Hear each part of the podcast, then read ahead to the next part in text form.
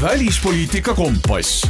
saate toob teieni Välisministeerium tere kõigile, selle hooaja Välispoliitika kompassi viimane osa on käes ja sedapuhku pühendamegi selle siis aastat äh, kokkuvõtvale saatele ja mina olen Brent Pere ning minu subjektiivsel hinnangul aastat kokku võtma on üks äh, paremaid külalisi, Välisministeeriumi kantsler Joonatan Vseviov, tere päevast! tere päevast, see on küll subjektiivne hinnang, aga mul on hea meel siin olla ja aastat kokku võtta, kuigi aasta muidugi ei ole veel läbi ja päeval, mil me eetrisse läheme, kuid veel hullem päeval, mil me lindistame, on ähm, veel nii paljut sellest aastast, mis on kokku sidumata, et eks neid kokkuvõtteid tehes tuleb seda mööndust rõhutada, et päris läbi see aasta veel ei ole, aga anname endast parima no näiteks seesama Euroopa Ülemkogu ju täpselt. käib praegu täpselt neil hetkedel ja reedeks on see saade kindlasti eetris ja selleks, selleks ajaks see veel endiselt võimalik, et kestab võib juhtuda, et kestab, ülemkogul ei ole äh, tavaliselt äh, kindlaks määratud lõppkellaaega või, või isegi mitte lõppkuupäeva, lõpeb siis, kui, kui kokku on lepitud või vastupidi, selgub, et kokku leppida mõnes asjas pole võimalik. Ja siin äh, tead-, teadjamad ja huumorisõbralikumad ringkonnad on juba vedamas ka kihla, et kaua siis seekord võiks minna.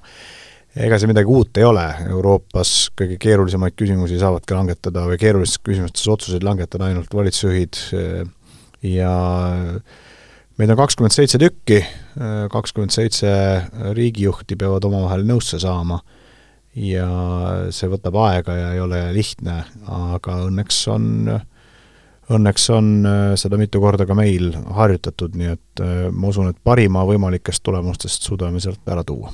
no väga pikalt äh, selle ümber vist praegu ei ole mõtet püsima jääda, sest et teada on, et see asi kestab veel, aga no kui sellele aastale tagasi vaadata, ma võtan siis kogu, kohe sellest Euroopa Ülemkogust äh, korraks sõnasabast kinni, et äh, seal on ikkagi põhimängija, mulle tundub, Ungari ja nende suurejoonelised väljaütlemised ja väljaütlemata jätmised, kuidas nendega see aasta möödunud on? no ma tahaks arvata, et põhimängijad on need ülejäänud kakskümmend kuus riiki, kes on äh, loodetavasti kõik kindlal seisukohal, et Ukrainat tuleb toetada, et Ukraina toetamine ei ole mitte lihtsalt Ukraina toetamine, vaid meie enda julgeoleku eest hoolitsemine. aga ma ei taha jah, seda liiga palju kinni jääda, asja, mille tulemit veel ei ole võimalik ennustada. üldiselt on ju äh, aasta olnud äh, noh, võib öelda edukas, need meie poliitika põhilised suunad äh, on kõik mitte ainult alles ja elus, vaid kõigis on toimunud ka edasiminek, Äh, aga nagu sõja algusest alates, siis meie jaoks kõige ebameeldivam, võib-olla isegi frustreerivam on see, et see edasiminek ei ole päris sellises tempos, nagu meie tahaksime. et põhjuseid võib pikalt otsida. aga kahe sõnaga neid põhisambaid kirjeldades, siis esiteks agressiooni hinna tõstmine, mm, peaasjalikult sanktsioonide, teiste piiravate meetmete näol, aga ka rahvusvahelise isoleerimispoliitika edendamine sanktsioonipakette on nüüd kokku üksteist heaks kirjutatud, kaheteistkümnes loodetavasti tuleb neil hetkel vaikselt-vaikselt äh, oleme saamas paremaks ka sanktsioonidest kõrvalehiilimise vastases võitluses, kuigi siin on tohutult veel teha, ametisse nimetatud Euroopa Liidu eriesindaja selles küsimuses, tema oma tööd teeb, hiljuti käisin Usbekistanis, Kasahstanis ja puhtjuhuslikult päev hiljem oli tema oma delegatsiooniga nendes äh, riikides tegemas see veenmis- ja, ja selgitustööd isoleerimise osas on tulnud ka muidugi äh, ebameeldivaid uudiseid, aga need kõik on veel ähm, sellises faasis, kus ka seda ebameeldivust saame kasutada veena oma veskele, ma viitan hiljutisele otsusele olümpiamängude osas, mis puudutab Vene ja Valgevene sportlaseid, no näis, eks sellest materjalist annab ka veel toodet teha, ma usun, et äh, meie kodanikuühiskond, spordiringkonnad, kultuuriringkonnad, avaliku arvamuse mõjutajad äh, mitte ainult Eestis, vaid äh, demokraatlikus maailmas laiemalt äh, veel asuvad tööle selle otsuse kallal. Ähm, aga muus osas on tulnud ridamisi ka positiivseid otsuseid, Venemaa on järjest kaotanud hääletusi ÜRO-s, teistes suurtes rahvusvahelistes organisatsioonides sammhaaval see isoleerimine jätkub ja sellist suurt tagasipööret või kollapsit vaatamata sellele, et Venemaa pingutab, ei ole siiski toimunud.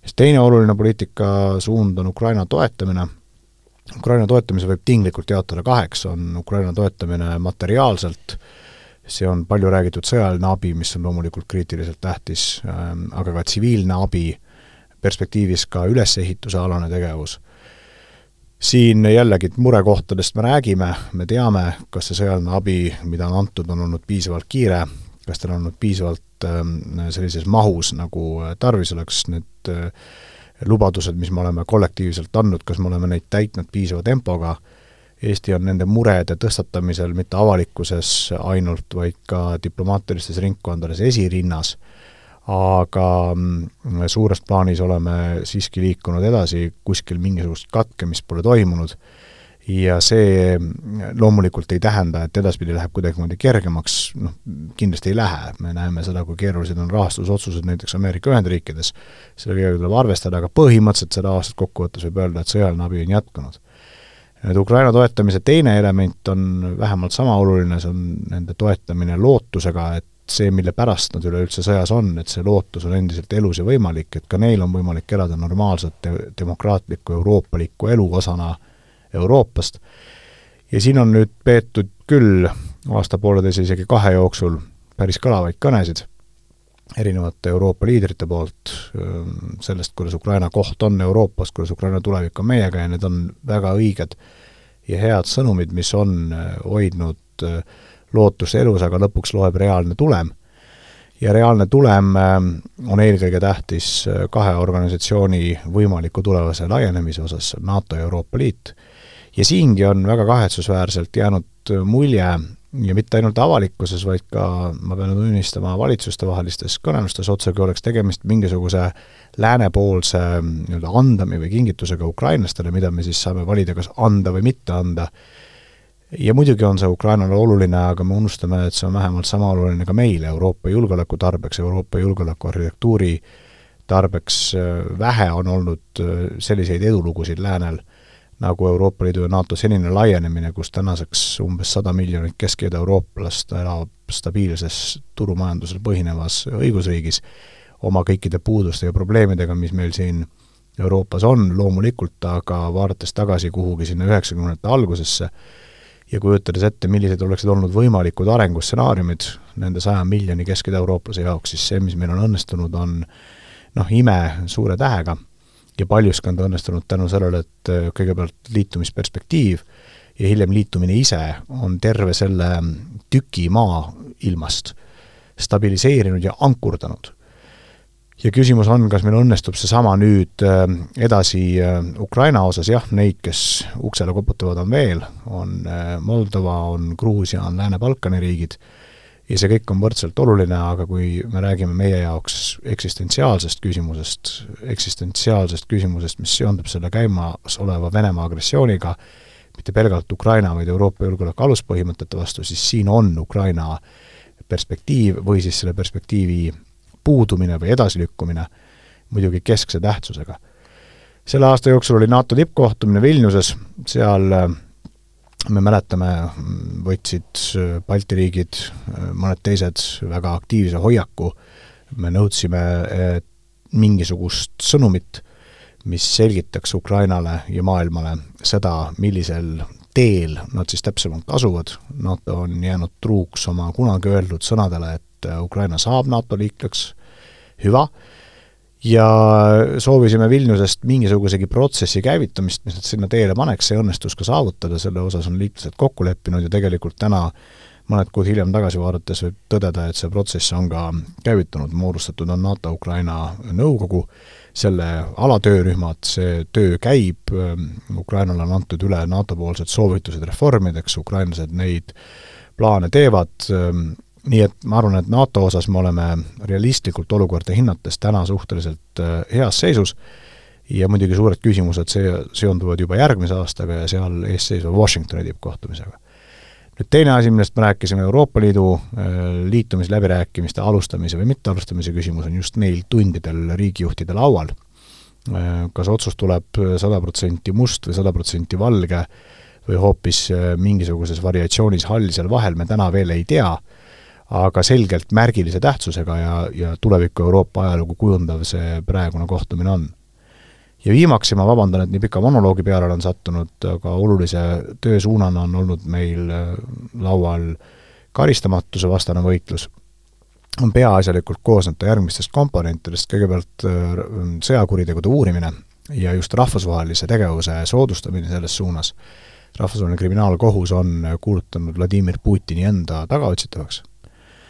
Meie asi on kindlustada, et sõjakuritegude uurimine jätkuks, toetame Rahvusvahelist Kriminaalkohust ka materiaalselt, Eesti eksperdid on saadetud sinna appi, Eesti ise kogub ähm, äh, tõendeid nii palju, kui meil see on võimalik, äh, läbi nende või tänu nendele põgenikele, kes on Ukrainast jõudnud Eestisse ja andnud siin ütluseid, muidugi Ukraina ise töötab sellega, diplomaatiliselt tegutseme sellel äh, rindel, et ähm, mitte võimaldada Venemaal õõnestada kogu selle rahvusvahelise kriminaalkohtu legitiimsust ja tõsiseltvõetavust, et need riigid, kes tõesti selle kohtu liikmed on, suhtuksid tõsiselt kohustusse vajadusel äh, ka need vahistamismäärused äh, ellu rakendada.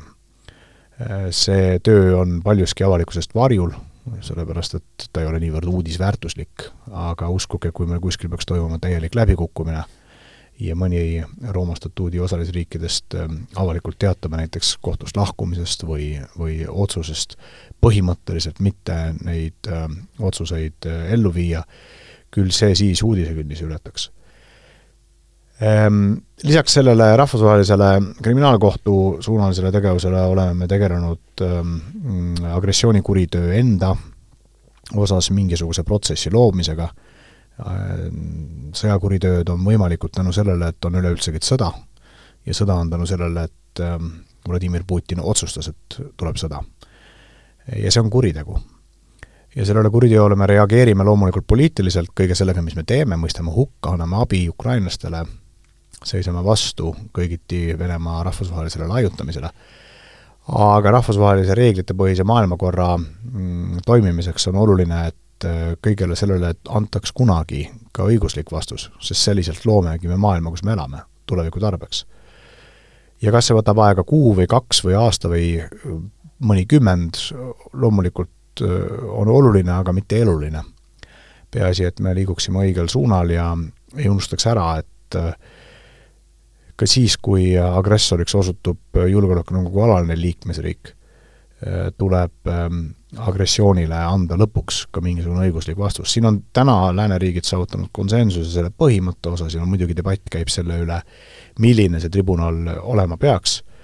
See mm, debatt on erakordselt keeruline, kuni ta, kuna ta tõepoolest puudutab kõige põhimõttelisemaid rahvusvahelise elu ja rahvusvahelise õiguse aluspõhimõtteid, meie seisukoht on siin olnud läbivalt selge, kui valida on äh, halva lahendi vahel täna ja hea lahendi vahel kunagi tulevikus, siis on mõistlik püüelda hea lahendi poole.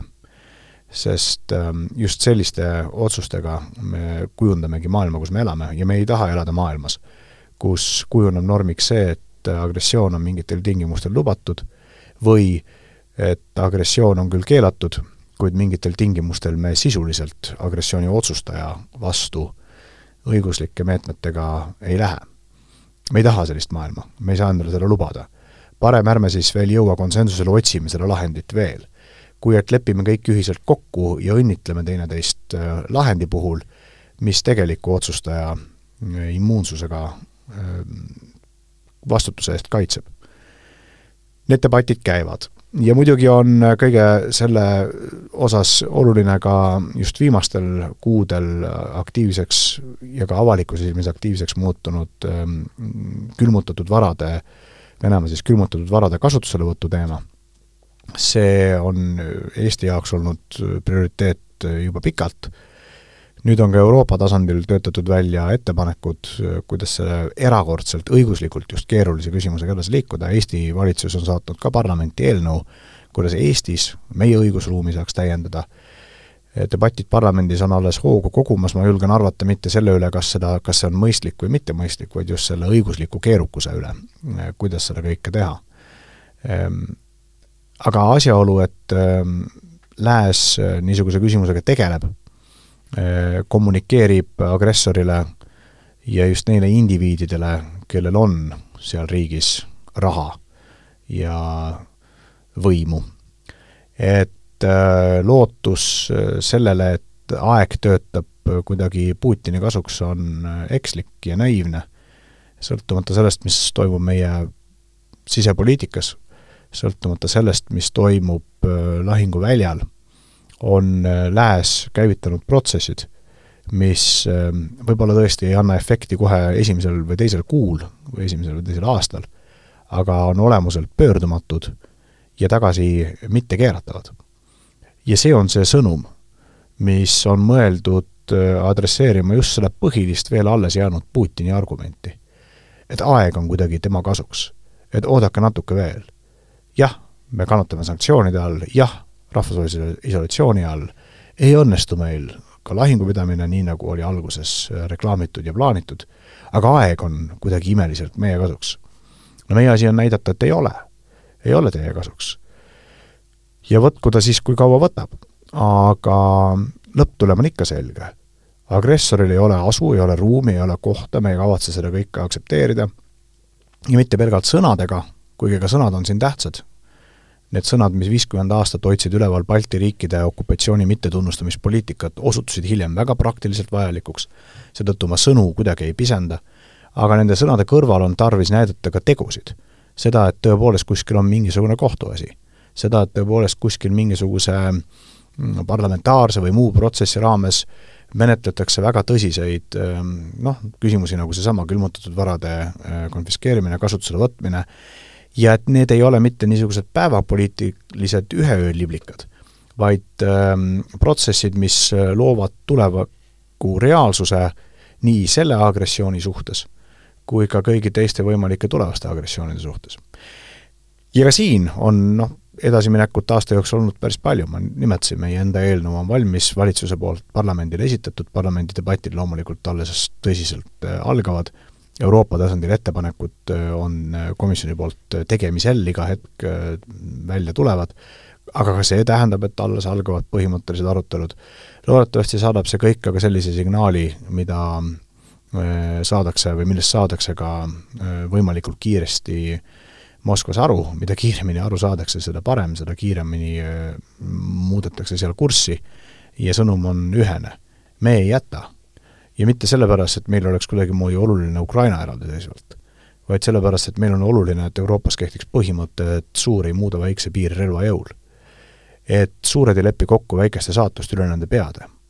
et mõjusfäärid kuuluvad ajaloo prügikasti et kui me ütleme, et riigid on suveräänsed, siis see tähendab, riigid on suveräänsed, see tähendab langetama oma välis- ja julgeolekupoliitika, aga ka sisepoliitika valikuid ise, sõltumata sellest, milliseid niinimetatud priviligeeritud huve arvab endal olevat selle riigi suhtes tema naaberriik.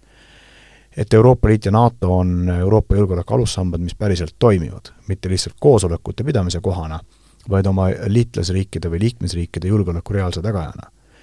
et me liigume edasi ähm, Euroopa ajaloos niinimetatud hallide alade kustutamisega, äh, olles õppinud, et just nendest niinimetatud hallidest aladest, mis on jäänud kuhugi Nõukogude äh, taaga ja, ja kaasaegse õigusriigi vahele, et just neist hallidest aladest on alguse saanud konfliktid ja ebastabiilsus siin kontinendil, et nii kaua, kui on olemas riike, kes tahavad äh, elada nende põhimõtete alusel, mis on ka meile eluliselt olulised, õigusriik, demokraatia, ja tahavad seetõttu kuuluda ka nendesse organisatsioonidesse, kus meie ühiselt oma elu korraldame. et nii kaua on neil see uks lahti, selle mööndusega, et nad peavad täitma kõik need reeglid ja tingimused, mis meie klubisse kuulumisel neile kehtivad. aga kui nad need reeglid ja tingimused täidavad, et siis tõepoolest ka nemad ankurdatakse sellesse stabiilsuse vööndi, nii nagu vaid ähm, kümmekond aastat pärast Vene vägede lahkumist Eestist ankurdus äh, sellesse Euroopa või Euro-Atlantilisse maailma Eesti äh, ja nõnda, nagu omal ajal see Euro-Atlantiline maailm pärast Teise maailmasõja katastroofi üleüldse moodustati. nii et äh, suhteliselt suured teemad laual. ma oleksin lootnud aastat alustades, et ma saan aasta lõpus öelda, et me oleme saavutanud edu. et läbi, et kõik.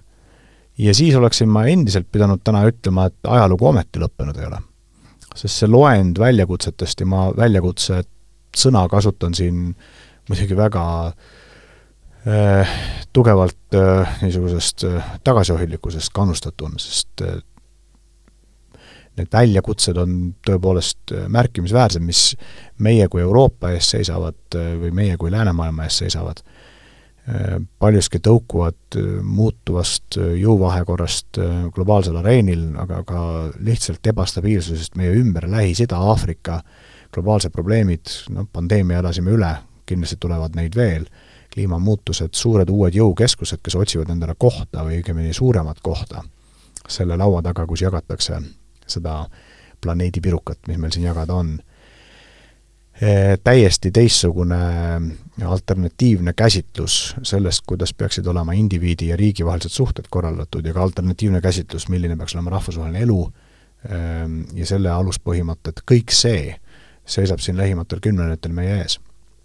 küsimus on pelgalt selles, kas äh, me tegeleme nende pehmelt öeldes väljakutsetega sellelt tasapinnalt, kus meil on õnnestunud Euroopa julgeoleku aluspõhimõtteid kaitsta, kus meil on õnnestunud äh, tõestada tegudega ja tulemusega, et agressioon ei tasu ennast ära. ja seega ühtsena, või äh, siseneme me nende väljakutsete keerisesse nõnda, et äh, pole õnnestunud äh, seda kõike teha ja seetõttu tõenäoliselt ja peaaegu et paratamatult ühtsuseta Äh, minu soovitus alati on võita ja tegeleda siis tugevamalt positsioonilt. Seda kahe tuhande kahekümne kolmandal aastal ei õnnestunud. ehk siis peab kahekümne neljandal aastal õnnestuma. aga valikut, äh, noh valikud on alati, aga need valikud on äh, meie jaoks üpris selged. piiririigina, väikeriigina eriti, ei saa me sellist maailma kus äh, lihtsalt tugevam õigus määrab tulevikku, äh, lubada. Ja seni, kuni meie põhilised tööriistad, äh, ideed ja suutlikkus neid ka välja hääldada on olemas, seni me neid ka välja hääldame. ja õnneks erinevalt Eesti ajaloo varasematest perioodidest sedapuhku just nende laudade taga, kus neid otsuseid ka tegelikkuses tehakse, seesama Euroopa Ülemkogu, võib ka NATO laud nii et äh, ajalugu läbi ei saa. Aga veel pole kahjuks läbi saanud ka sõda ilus kokkuvõte, siia võiks täitsa punkti ära panna ja olekski tehtud. aga ma lasin hea meelega rääkida, sest et ega sellist äh, kokkuvõtet ju äh, kuskil äh, mujal kuulegi, vähemalt sellises formaadis. ma hüppan siis lihtsalt paarile asjale veel siit kinni ka, sest et kaetud sai põhimõtteliselt kogu aasta ära. see, et me oleme näinud viimasel ajal Venemaa või Valgevene esindajaid siin näiteks OSCE juures või kas või seal Dubai kliimakonverentsil, kas see ikkagi näitab äh, pisut ka seda, et see isoleerimine mingil määral siiski noh, ikkagi laseb läbi, ehk siis nad saavad sinna, nad pääsevad sinna ja nad saavad seal oma riiki esindada? Need näited on iseenesest erinevad, aga põhimõtteliselt võib nii öelda küll, muidugi laseb läbi, muidugi. ja Venemaad ei maksa ka alahinnata. Nad pingutavad palehigis selle nimel, et tõestada, et mingisugust isolatsiooni ei ole või vastupidi, nad isegi pingutavad lausa selle nimel, et tõestada, et isoleeritud on hoopis lääs, mitte nemad. ja sellest see meeletu, võib öelda isegi paaniline püüd näidata ennast teiste suurtega samal pildil ehm,, omaette küsimus, aga see ei ole küsimus meile vastata, vaid vene inimestele ehm,, kui palju ja, ja kas üldse teenib selline mm, tegevus Venemaa pikaajalisi strateegilisi huve, sest selgelt ka nendes suurtes äh, seltskondades ei ole Venemaa ehm, võrdsena laua taga, kõik ju saavad aru, et tema vajab seda aktsepteeritust oma saja neljakümne miljoni elanikuga, rohkem kui need miljardiriigid, kellega ta üritab ennast samale pildile asetada. ehk siis Hiina, Aasia, kõik need riigid seal? jah, see niinimetatud BRICS ühendus äh, ja nii edasi, aga see pole meie asi, eks igaüks mängib nende kaartidega, mis talle kätte on jagatud ja püüab seda teha võimalikult hästi ja lõpuks annab vastust oma, oma rahva ees Ehm, loomulikult äh, kasutatakse meie vastu ka neid äh, pöördelisi sündmuseid Lähis-Idas, mis siin selle sügise jooksul on käivitunud. meid äh, tihtipeale hoiab ka tagasi niisugune demokraatiatele omane noh, ma ei tea, kas õige sõna on öelda tagasihoidlikkus või ka teinekord soovimatus liiga agressiivselt enda ka positiivset tegevust reklaamida ja müüa, mõnikord ka valehäbi. et mis Nii, meie? mis nüüd meie, tõepoolest, eks ajaloos ole ka tehtud igasuguseid asju, noh, seda eriti Lääne-Euroopa suurriigid suhetes oma kunagiste koloniaalasumaadega, arusaadavalt noh, ongi põhjust mõelda, kas ähm, kõike saab päris nii välja öelda, nagu võib-olla väike Eesti seda välja öelda saab. lihtsalt äh, ja selgelt põhimõtte tasapinnalt lähtudes. aga sellegipoolest äh, ei tohi meie lasta ennast äh, nurka mängida niisugustel noh, ühest küljest meie enda valehäbitunnetel ja teisest küljest siis venelaste mahitusel meile ette heidetavates noh, näiteks silmakirjalikkuse süüdistustes. Ei ole me siin silmakirjalikud ühti, nemad on hoopis. aga muidugi on nende tegevus aktiivne. ja muidugi püüavad nad maksimaalselt ennast äh, pildile asetada. selle isoleerimisega ma ütlen ühe asja siin veel, et selle isoleerimisega nõnda kipub olema, et noh, see võrdlus on meelevardne ja, ja meelega niimoodi utreeritud, et ma loodan, et kuulajad annavad andeks selle utreeringu. aga ta on natuke nagu terrorismivastase võitlusega on olemas ametkonnad riikides, ehm, politseistruktuurid, ehm, julgeolekuasutused, kes igapäevaselt sellega tegelevad. Ja enamasti nende tegevus kuidagi uudisekünnist ei ületa, keegi sellest midagi ei tea, no mõnikord võetakse neid kritiseerida, et kas ikka põhiõiguste riive on õigustatud, ehk saab ka odavamalt ja nii edasi, aga suures plaanis on see kõik tegevus radari all. Ja nad peavad ometi õnnestuma iga jumala päev. sest see hetk, kui nad üks päev ei õnnestu ja midagi toimub, siis on kogu see niisugune, ütleme, tähelepanu keskendunud rünnakule, mis läbi läks, ja öeldakse ju, et terrorist peab õnnestuma üks kord ja terrorismivastase võitluse spetsialistid iga jumala päev. selle isoleerimisega on samamoodi. Neid rahvusvahelisi organisatsioone, kuhu Venemaa kuulub, kus on võetud vastu otsuseid Venemaa väljaheitmise kohta või Venemaa õiguste piiramise kohta, neid on lugematu hulk isegi meie välispoliitika paremad eksperdid ei suuda neid organisatsioone kõiki üles nimetada, paljud ongi väga spetsiifilised erialaorganisatsioonid äh,. Igal pool meil õnnestub üldiselt. ja siis mõnikord jälle kuskil ebaõnnestub.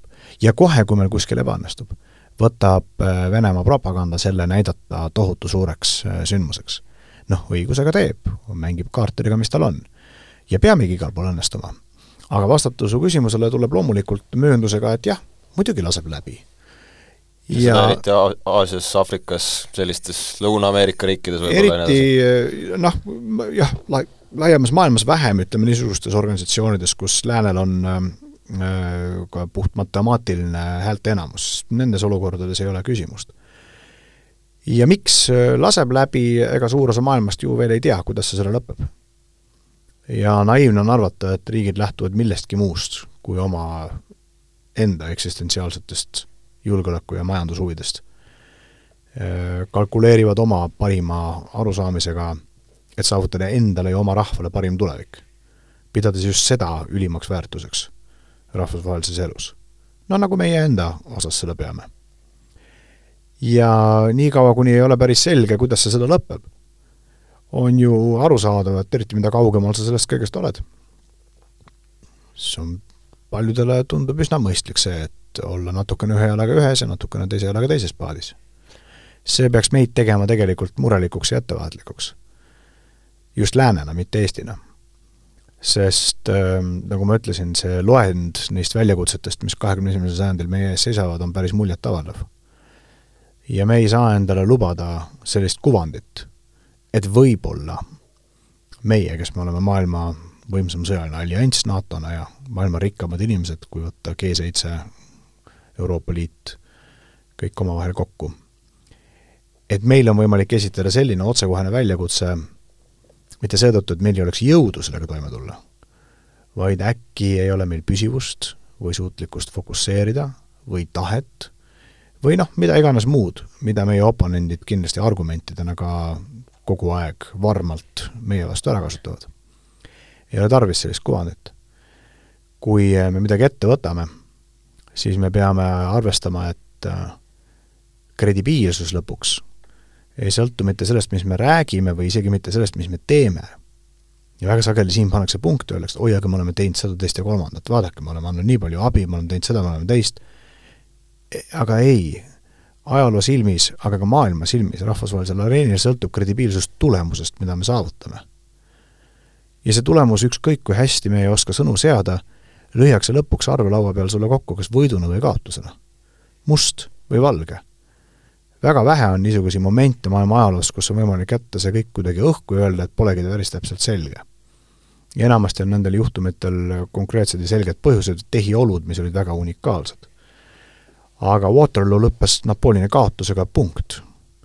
teine, teine maailmasõda Natsi-Saksamaa purustamisega, punkt ehm,. ja nüüd on viie... küsimus Venemaa ja Ukraina vahel. ja nüüd on küsimus, kas agressioon kui tööriist teeb comeback'i Euroopasse või mitte. kas Ukraina jääb alles või ei jää, aga sellest ma ütleksin veelgi põhimõttelisemana, kõik need Euroopa julgeoleku põhimõtted, millel seesama OSCE, mida sa nimetasid, organisatsioonina ju ka seisab, kas põhimõtted kehtivad või ei kehti ja meie asi on kindlustada, et kehtivad ja ma usun, et äh, me saame sellega ka hakkama. lihtsalt ähm, kodanikuna või, või ka noh, jah, inimesena on äh, traagiline vaadata, kuivõrd äh, kaua see kõik meil aega võtab. ja see aeg ei ole mitte antud juhul mõõdetav minutite, sekundite, päevade, tundide või nädalatega, see aeg seda lüüakse kokku inimeludega. Ukraina sõdurid ja Ukraina tsiviilinimesed. aga tegelikult ka kõik need hukkunud äh, teisel poolel. ja see on tegelikult lubamatu.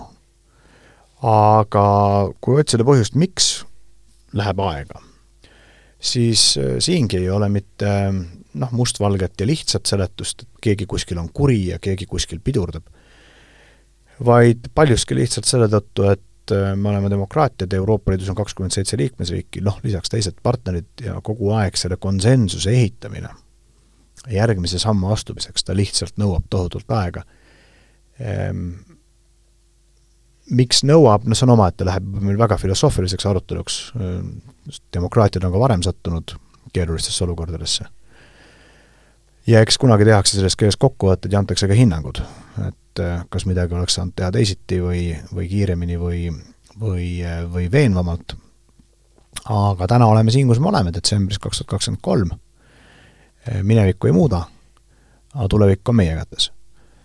ja olukorras, kus kaalul on väga palju ja alternatiivset strateegiat pole keegi siiamaani minu teada sõnastanud tuleb olemasolevale strateegiale, see on siis agressiooni hinna tõstmisele, Ukraina igakülgsele toetamisele ja karistamatuse edendamisele, panna lihtsalt nii palju hoogu juurde, kui vähegi võimalik, et ümber lükata see väide, et aeg kuidagimoodi selles situatsioonis töötab agressori huvides.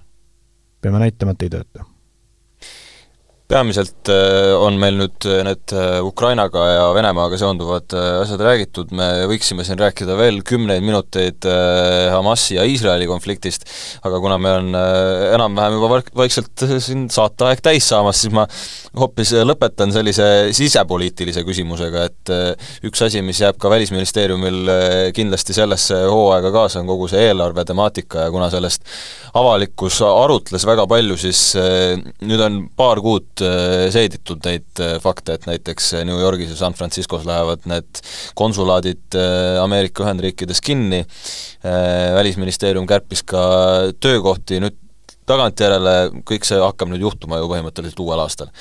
kuidas see nüüd detsembris tundub, on vastu võetud Eesti ühiskonnas, kas sellega on lõpuks ära lepitud või mis see seis on? no ühiskonna temperatuuri ei oska mina mõõta mina oskan öelda seda, et äh, Välisministeerium nende vahenditega, mis meil on ja tänu nendele otsustele, mis on tehtud, äh, suudab ka kahe tuhande kahekümne neljandal aastal jätkata aktiivse ja ja kvaliteetse välisteenistuse teenuse osutamist Eesti rahvale. seda nii poliitilistes, välismajanduspoliitilistes kui konsulaarabi küsimustes me isegi suudame kahe tuhande kahekümne neljandal aastal olla tugevamad ja paremad, kui me olime kahekümne kolmandal aastal ja seda eelkõige seetõttu, et meie põhiline vara, erinevalt võib-olla paljudest teistest valdkondadest, kus on kus on ähm, suur ähm, maht ähm, kõikvõimalikul tehnilisel või infrastruktuurilisel toetusel, meie põhiline vara on meie inimesed, ehm, kes peavad olema varustatud sellega, mis neil on tööks tarvis. Siis peavad olema võimalikult motiveeritud, see tähendab ka hästi tasustatud, võimalikult hästi toestatud ja koordineeritud ja seda kõike meie kahe tuhande kahekümne neljanda aasta eelarve ka võimaldab. võimaldab ka teha sammukest edasi meie töövahendite parandamise äh, suunas. Ehm, loomulikult on rasked ajad, selles ei ole mingit küsimust. ja ideaaltingimustes ei teeks ühtegi kärpeotsust mitte keegi. Ma ei tea vähemalt kedagi, kes heast peast võtaks kätte ja hakkaks kärpima. ka siis, kui äh, on vaja teha mingisuguseid ümberkorraldusi, kui raha tuleb peale on äh, väga sageli äh, otstarbekam jätta ka vajalik ümberkorraldus tegemata, sest raha tuleb sedavõrd palju peale. et ähm, noh, saab ka kasvada õigetesse suundadesse. rasked otsused on hirmus rasked. Neid on raske teha, aga neid on veel raskem ellu viia. Ja mul on selles mõttes hea meel, et no vaatamata kõigele me siiski oleme võimelised tegema otsuseid neid ellu viima ja selle osas äh, olen ma küll äh, uhke ja, ja tegelikult ka tänulik vaatamata sellele, et see aeg on loomulikult erakordselt keeruline. avalikkuse hinnangusse, mis puutub, siis siin on noh, olukord ka lehelugejana no üsna niisugune nõutuks tegev.